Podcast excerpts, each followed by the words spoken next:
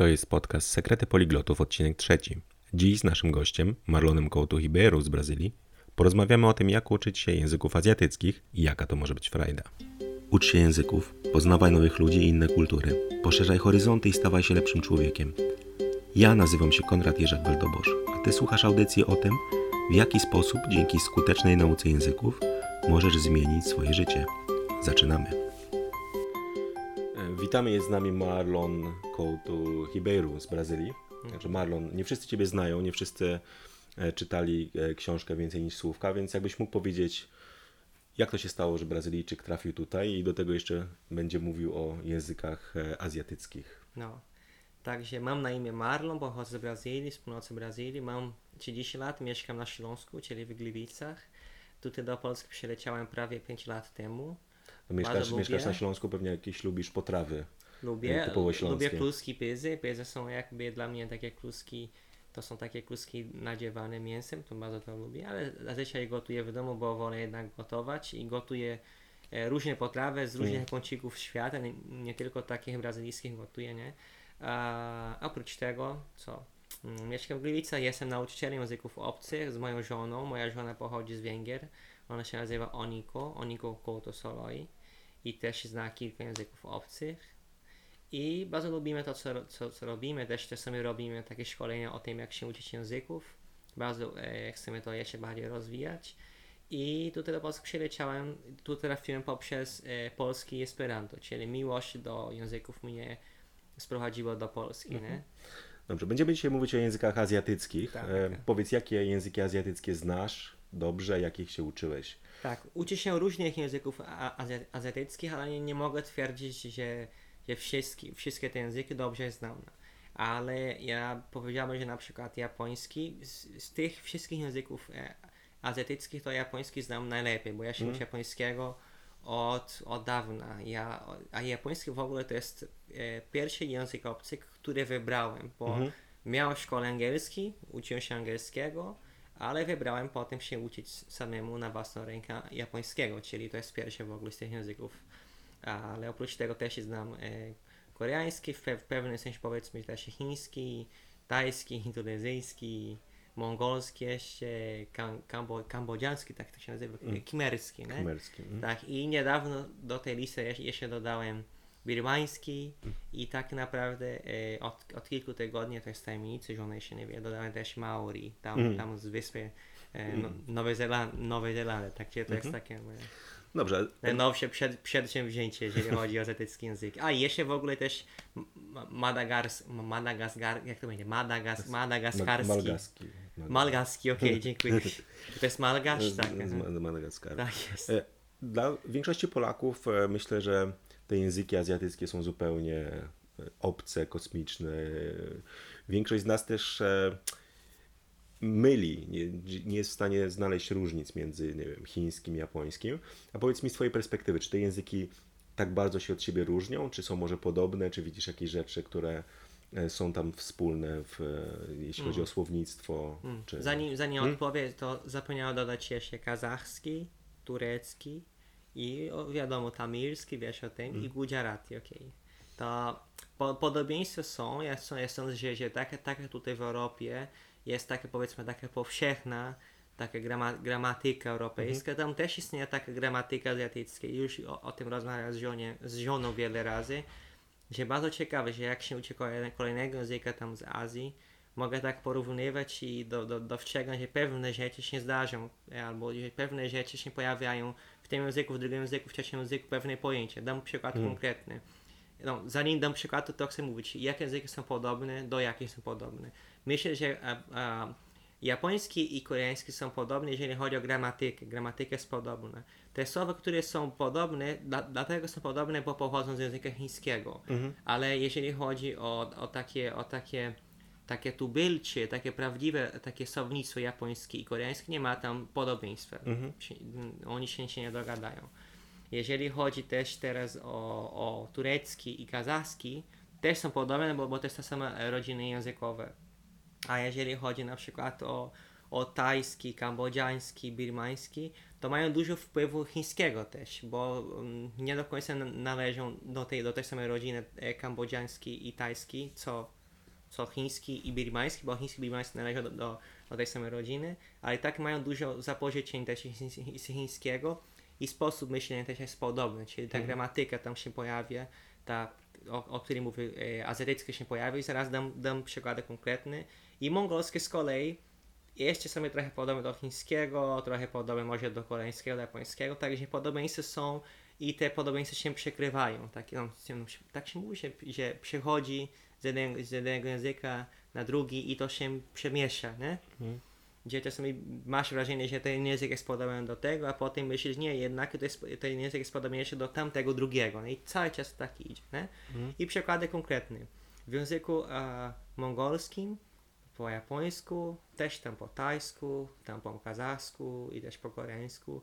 Jak coś robisz komuś, mhm. a, a no, odwrotnie, jak, jak ktoś robisz ci coś, i, a, i tamilski, tamilski też ma, ma to samo, to możesz dodać słowo dać, e, e, e, czasownik dać, dawać do, do, do, tego zdania, do tego drugiego e, czasownika musisz doczepić to, to słowo dać, żeby, żeby, żeby tym czasownikiem dawać, wyrazić to pojęcie, że, to, że ktoś zrobi coś dla ciebie. Nie? I wtedy, wtedy na, nawet nie musisz mówić dla, dla mnie, że mm. ktoś mi coś robi. Czyli, że jak chcę mówić, że on kupił mi ryż, to możemy mówić w tych językach, które wymieniłem, czyli kazachski, mongolski, e, japoński, koreański, tajski, kambodżański, który też to ma, że on dosłownie kupując dał ryż. -hmm coś takiego. I czemu kupując? Bo też oni mają tak, e, ta, taką coś podobnego w tych językach też, że jak w środku zdania pojawia się e, czasownik, to ma jakby taką formę łączącą i tylko ostatni czasownik ma jakby pełną formę z odmianą, tam mhm. jeżeli istnieje w ogóle, bo czasami nie mają nawet takiej odmiany. Także dlatego tak mówię dosłownie coś, że on kupując dał mi, czyli ten czas, ten czas przeszły, tylko się pojawia tutaj na końcu, nie? w tym hmm. słowem dał. Nie? A czy były jakieś takie rzeczy, które Ciebie zszokowały czy zaskoczyły? Bo uczyłeś się już tylu języków, a czy azjatyckie języki mają coś nie powiem, że, że, że oni mają coś, co mnie e, szokowało, ale pewne rzeczy mnie jak, jakby głęboko urzekło, że myślałem, że kurde, to takie skomplikowane są te nasze języki i widzę, że, że jak brakuje, albo jak nie ma u nich pewnych tam rzeczy, pewnych tam pojęć, to oni świetnie sobie, sobie radzą bez tego i myślę, że i komunikacja i tak jest efektywna bez tego. Przykład konkretny, ale polski to ma też, hmm. że nie mają e, rodzajników. Mhm. Polski też, też, też tego nie ma, ale mój język ojczysty, portugalski to tam hmm. mamy. Angielski to ma, francuski, niemiecki, sporo tutaj języków a, e, tutaj w Europie te, też ma. Nie? Co prawda węgierski czy tam fiński też nie mają tego, ale ani, ani turecki, ale, ale tam nie mają, nie mają takich. Ostatnio, jak zacząłem się uczyć właśnie teraz e, Maori, to tajemnica jeszcze, oni mają akurat rozanik, tak samo też i, i hawajski też mają. To taki wyjątek, bo zazwyczaj nie ma czegoś takiego tam w Azji. A, co na przykład, a, że nie trzeba do końca używać liczby mnogiej. W niektórych językach tam nie ma w ogóle, a w niektórych istnieje. Na przykład e, w języku chińskim nie istnieje do końca liczba mnoga dla, e, do rzeczy, do rzeczowników, oprócz o, osób. Jeżeli to są osoby, to oni dodają tam. A jeżeli, jeżeli to są na przykład książka, szklanka, dom, to nie musi mówić domy, szklanki. Używać cały czas jednej formy i kontekst wyjaśnia, czy to jest liczba mnoga, czy pojedyncze. A nie, niektóre języki nie mają, niektóre mają, ale i tak nie używają tego, bo jest, tak jak mówię, jest taka gramatyka azjatycka, czyli ta, i, i, i tak powiedzmy mówi ta gramatyka azjatycka, że liczba mnoga nie jest potrzebna do końca, jeżeli kontekst wyjaśnia o co chodzi. Mm -hmm. Czyli niektóre języki nie mają, niektóre mają, ale i tak nie używają, bo nie trzeba. Druga rzecz bardzo ciekawa, jeżeli chodzi o czasy. Niektóre języki azjatyckie, tak jak, tak jak kambodżański i tajski, czasami nawet e, chiński, mają czasy. Czasami ludzie mówią, że nie mają. Mają, ale też nie muszą ich używać. To jest mm. ciekawe, że, że różne rzeczy, tak, różne rzeczy ta, takie są, że oni mają, ale do końca nie używają tego, bo tak nie, nie potrzebują cały czas, nie? I to bardzo często jak potocznie się rozmawia.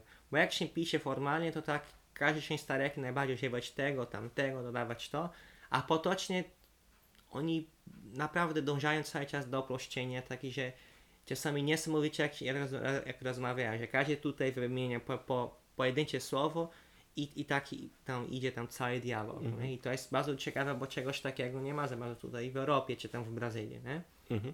A powiedz mi, bo w wielu językach, zwłaszcza tej wschodniej Azji, e, bardzo ważne jest e, dobranie odpowiednich słów czy form, w zależności od tego, z kim rozmawiamy. Tak, to jest prawda. Czyli, e, nie wiem, powiedzmy po japońsku, gdy mówimy o moim ojcu, a o twoim ojcu użyję Tak. innego, innego słowa.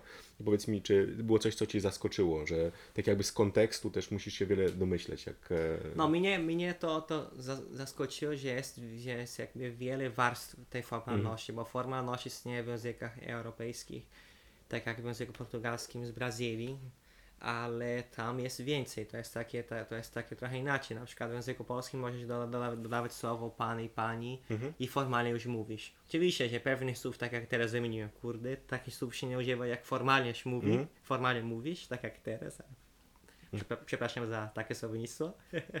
Ale tam nie dodajesz takiego słowa jak pan, pani, zmieniasz po prostu e, cały wyraz, tak jak Konan Konan powiedział. I oni mają jakby na przykład tak jak język japoński, koreański, warstwę, dwa, trzy formalności, że nie tylko zależy o, o, e, od tego, z kim rozmawiam, i też zależy od tego, o, ki, o kim rozmawiam też. Nie? Jeżeli wymienię swojego szefa w tej rozmowie z kolegą i tak muszę przejść na inną warstwę formalności, żeby pokazać, pokazać szacunek szefowi, którego nawet nie ma tutaj, jak rozmawiamy na przykład.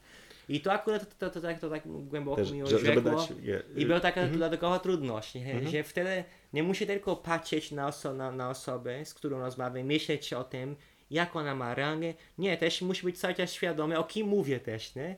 Czyli nie muszę teraz nagle zmienić w tutaj jakby warstwę formalności, aby, a, czy nie muszę mówić teraz, e, używać takich szczytnych, jak to się mówi, szczytnych, no zaszczytnych form, bo mówię teraz o kimś, który jest ważnym, trzeba cały czas ja- jakoś tam świadomie rozmawiać i na początku to, to, to trudno cały czas, to prawda? Nie. Ale da się e, przy, przy, przyzwyczaić, nie? Czasami też jest, e, tak, żeby dać przykład, jak niektóre formy takie zw- zwracania się jak pan, pani mogą wyglądać. No u nas e, w języku polskim jest łatwo, prawda? Czyli mamy formę pan, pani Tak, dla tak, osób, tak. które są starsze i których nie znamy e, i są dorosłe. Na przykład w jednym z języku wietnamskim, tutaj moja koleżanka z Wietnamu zawsze opowiadała, że gdy przychodzą do niej e, znajomi, powiedzmy znajomi rodziców, ona musi odpowiednią formę dobrać, w zależności od tego, czy ci znajomi są starsi od jej rodziców, czy nie. Czyli ona zawsze musi pamiętać, ile jej rodzice mają lat, a także później porównać, czy okej, czy ci znajomi, jeśli oni są starsi niż jej rodzice, wtedy inna forma Ale jest też używana. To samo się dzieje, jeżeli chodzi o język japoński, kazachski, kambodziański, no myślę, że wszystkie te, te jak mm. tam z Azji, oni tak samo robią, czyli jakie słowa oni do, do, do, odbierają? Słowa, które się odnoszą do, do rodziny, czyli oni nazywają ojcem, nazywają e, tatą, czy tam, czy wujkiem, czy nawet dziadkiem, cudzych też, nieznanych, nie, nie, nieznane osoby też oni mogą tak nazywać, żeby pokazać formalność poprzez to. I to jest, to jest bardzo, bardzo ciekawe, czyli że te słowa, które są związane z rodziną, też są, te są używane, aby pokazać formalność. I to pokazuje jakby mentalność tego społeczeństwa, że to jest jakby, ro, jakby rodzina się znalazła wszędzie, że nawet ten, ten, ten, ten nie, nieznajomy, ten cudzy, może być jakby członkiem mojej rodziny. Wiadomo, że nie każdy ma do końca tego na myśli, jak mówi, bo wie, że to jest tylko dla formalności, ale i tak w jakiś sposób to, to, to, to ma wpływ nie? na sposób myślenia i na sposób zachowania, jeżeli chodzi o, o takie relacje społeczne poza domem, na ulicach na przykład. Nie? To jest ba- bardzo ciekawe. A powiedz mi, e, te języki azjatyckie bardzo często, taką ich cechą charakterystyczną jest inny, ro- inne pismo, prawda, niż e, ten alfabet łaciński. Jeśli uczysz się języków europejskich, Ale tutaj nie, nie jest dużym problemem. Prawda? dodał dru, drugą, drugą cechę też, że, że po prostu łatwość, że są łatwe, że uproszczenie, to, to jest taka, to, to jest taka powszechna też, e, jak powiedzmy, charakterystyka. Nie? Czyli z, z punktu widzenia gramatyki są, nie są trudne, ale z punktu widzenia na przykład pisma, czy Tak. wymowy i tak dalej. Nie wszystkie. Nie, niektóre mają tak jak nie wiem, czy Maori, czy indonezyjski, czy nawet Malgashi, no łatwo pi- ła- pisownie, bo to, jest, to jest nasz alfabet. Mhm. A powiedz mi, jak uczysz się pisma? Czy uczysz się za każdym razem, jeśli powiedzmy, nie wiem, poznajesz nowy język? Tak jak birmański na przykład wymieniłem Tak. to niedawno. Czy, czy będziesz uczył się też pisma e, birmańskiego, czy raczej... Różnie bywa, to, to, to, to, to zależy jakby od, od fazy mojego życia. Kiedy, kiedy za, za, zacząłem z japońskiego, to zacząłem od razu od pisma, bo jak tam Mhm. zacząłem sam, sam się uczyć japońskiego, bo też grałem w grę, e, no miałem konsolę i też chciałem taki jakoś tam czytać, co tam jest Mhm. napisane w tych grach.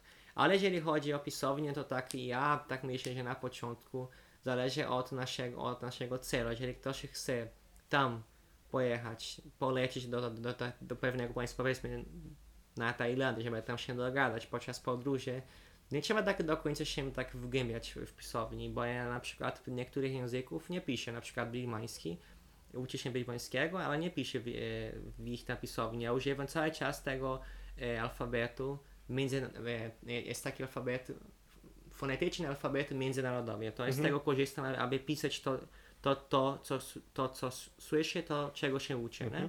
A jeżeli chodzi o kambodżański, tak samo robię. Ale jak robię, żeby się uczyć e, pisowni? Na przykład ja się uczę poprzez, w tej chwili, poprzez słowa od razu. Skoro się uczy zdanie, ca, zdań cały czas, to też ja, jak uczę się pisowni, to od razu próbuję pisać pewne słowa i potem kró- krótkie zdanie.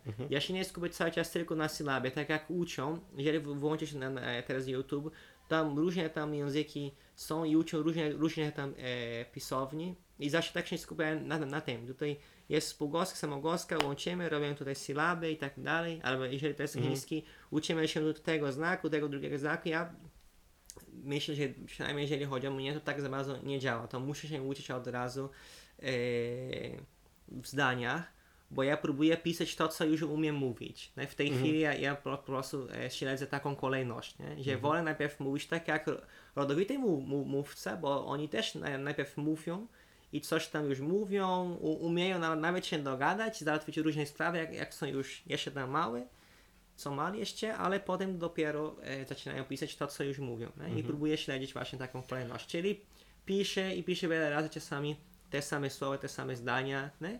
i na tym się skupiam i dzięki temu powolutku się uczę. Czyli nie mam takiego e, popędu, żeby się uczyć całego alfabetu od razu i potem próbować skorzystać. Nie, to tak?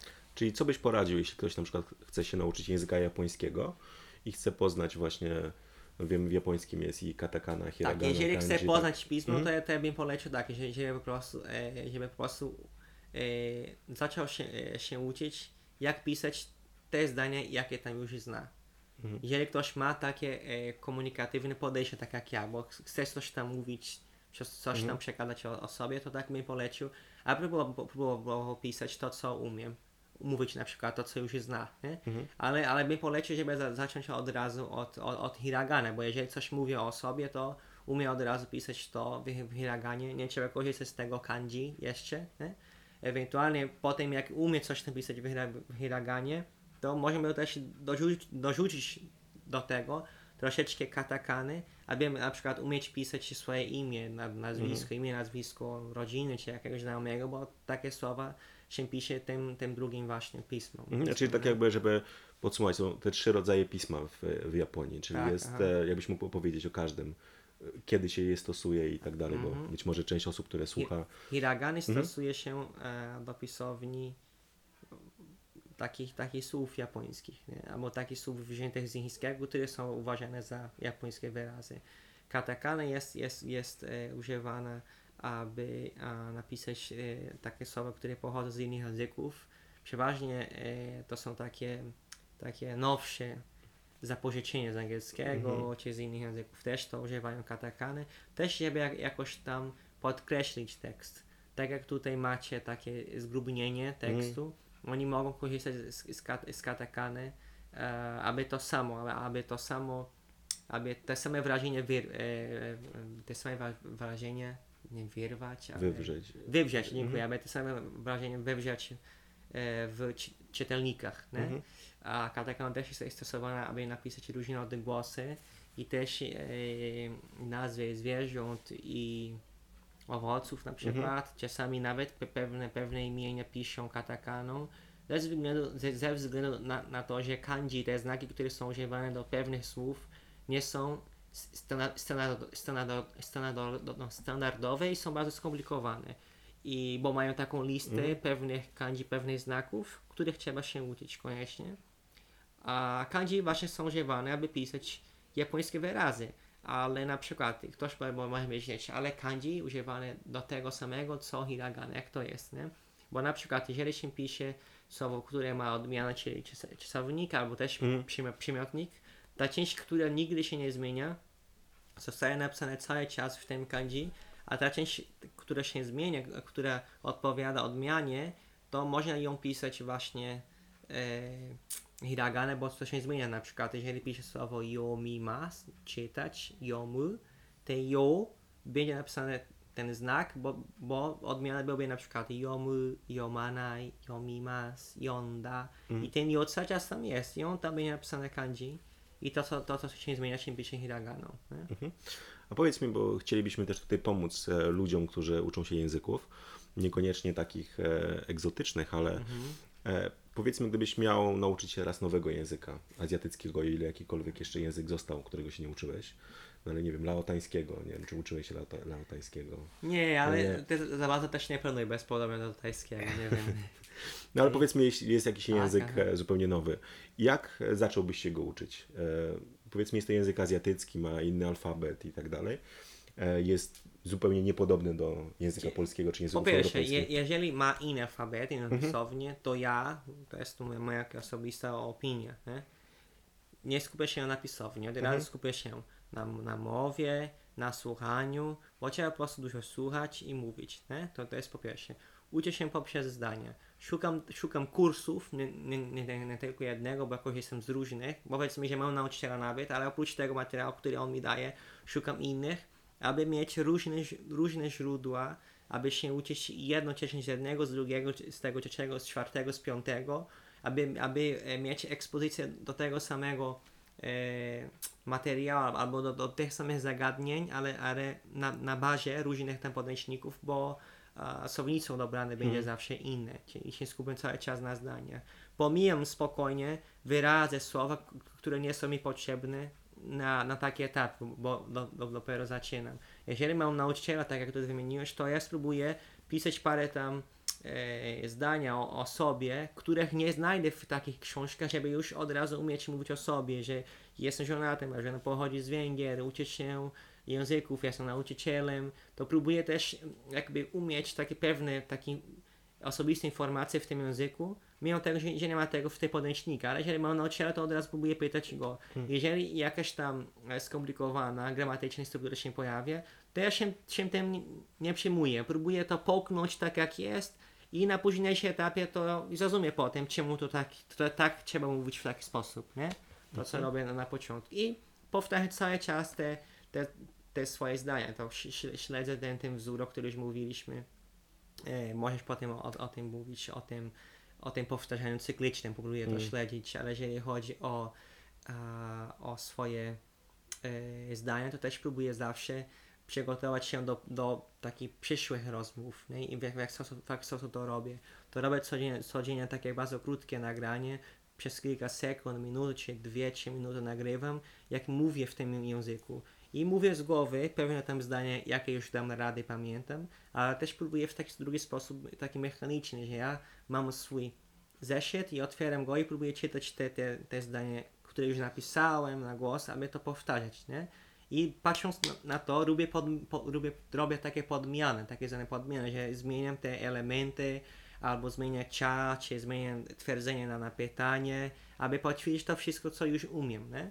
I im więcej umiem, im, im lepiej to, to mi idzie, nie? Im szybciej i tak dalej. I Bo- potem porównuję cały czas te, te, te nagrania, te starsze z tymi no, e, najnowszymi, aby spostrzegać swoje postępy.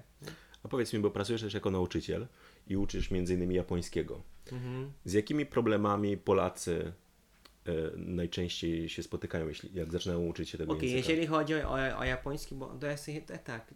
Ja też uczę w tej chwili też koreańskiego, czyli Mhm. uczę, uczę Polaków dwóch języków obcych, ja, azjatyckich, co mówię, nie, nie obcych, dwóch Mhm. azjatyckich i mają te same problemy uczniowie.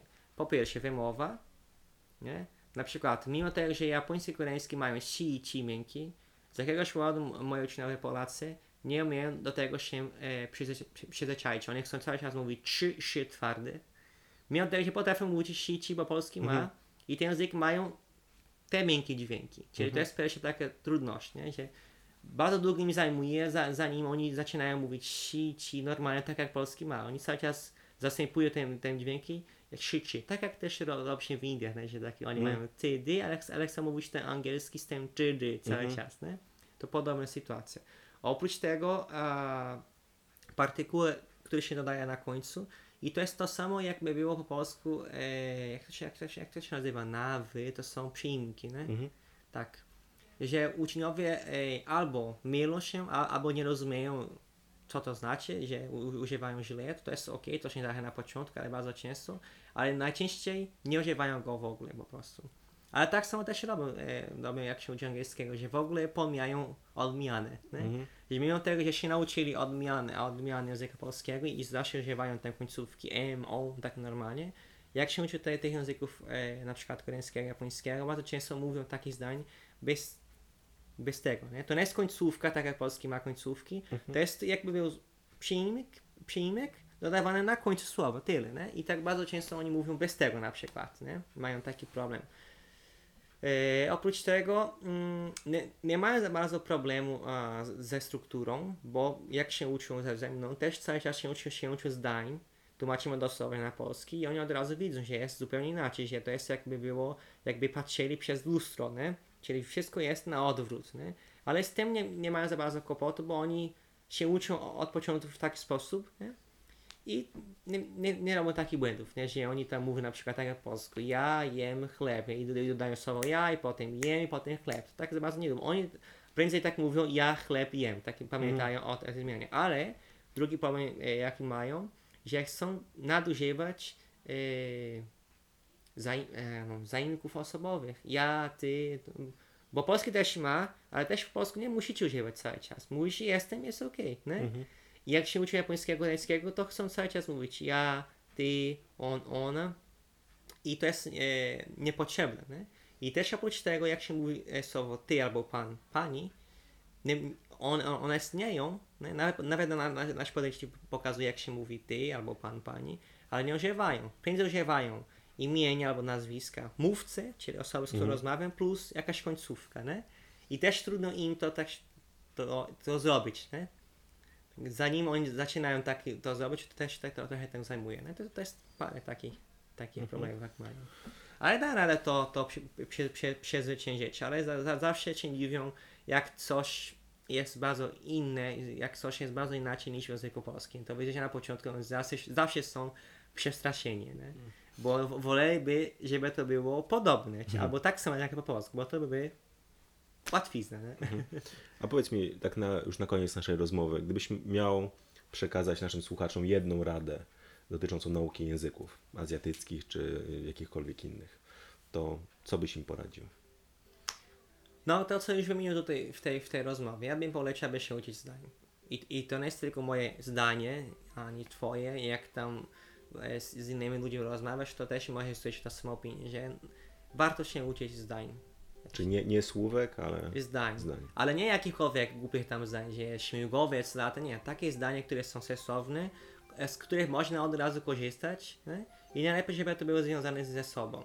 Czy, bo, bo jak napotykasz cudzoziemca i jeżeli uczysz się języka z Azji, na przykład takiego azjatyckiego, to będzie, to będzie cały czas zada, zadawać takie osobiste pytania. Od razu, nie? To jeżeli umiesz już na, na to odpowiedzieć, to masz od, od razu takie, takie uczucie sukcesu, nie? I to jest właśnie takie, takie, takie, taka ostateczna rada, nie? Dobrze, teraz e, gdyby ktoś chciał dowiedzieć się więcej o tobie, gdzie może znaleźć informacje? Może na pewno kupić książkę Więcej niż słówka, w której Tak. opisali całą swoją historię, e, przygody z językiem polskim i ze wszystkimi e, innymi językami. Ale czy jest jakieś inne miejsce, e, czy No i już były różne artykuły czy wywiady zrobione ze mną, z moją żoną. Możemy wpisać w Google Marlon, Couto, Ribeiro. I są już wywiady też o tym, możemy więcej trochę się dowiedzieć. Mm, Czy podamy też w tym podcaście- Mhm. s- Strony nie, nie mamy żadnej, ale można e, korzystać z swojej strony Segedy Poliglotów, bo, bo tam też się pojawiamy, coś tam o nas też jest napisane. Czy w podcaście podamy też linki do tych najpopularniejszych e, na temat.pl, ten Okej, wywiad możemy bardzo, tak ludziom bardzo Mamy bardzo też kanał na YouTubie, w tej chwili jest trochę takie e, w takim stanie e, e, jak to się nazywa, uśpiony, Hmm. uśpiący, uśpionym. uśpionym, tak, w takim stanie uśpionym jest w tej chwili, ale chcemy uaktywnić go z powrotem i on się nazywa też więcej niż słówka Hmm. i udzielimy różnych rad dotyczących e, nauki języka obcego. Hmm. Dobrze, także dziękujemy za rozmowę Proszę bardzo. i mam nadzieję, że e, Przepraszam za błędy w języku polskim, ja muszę trochę tam bardziej poszlifować swój polski, ale bardzo Bardzo dziękujemy. No za... i przede wszystkim cieszę się, że Ci zasmakowały pyzy tutaj. I kluski. I kluski. Tak, aha. Dobrze. Dziękuję Wam też. Życzymy powodzenia, miłej nauki.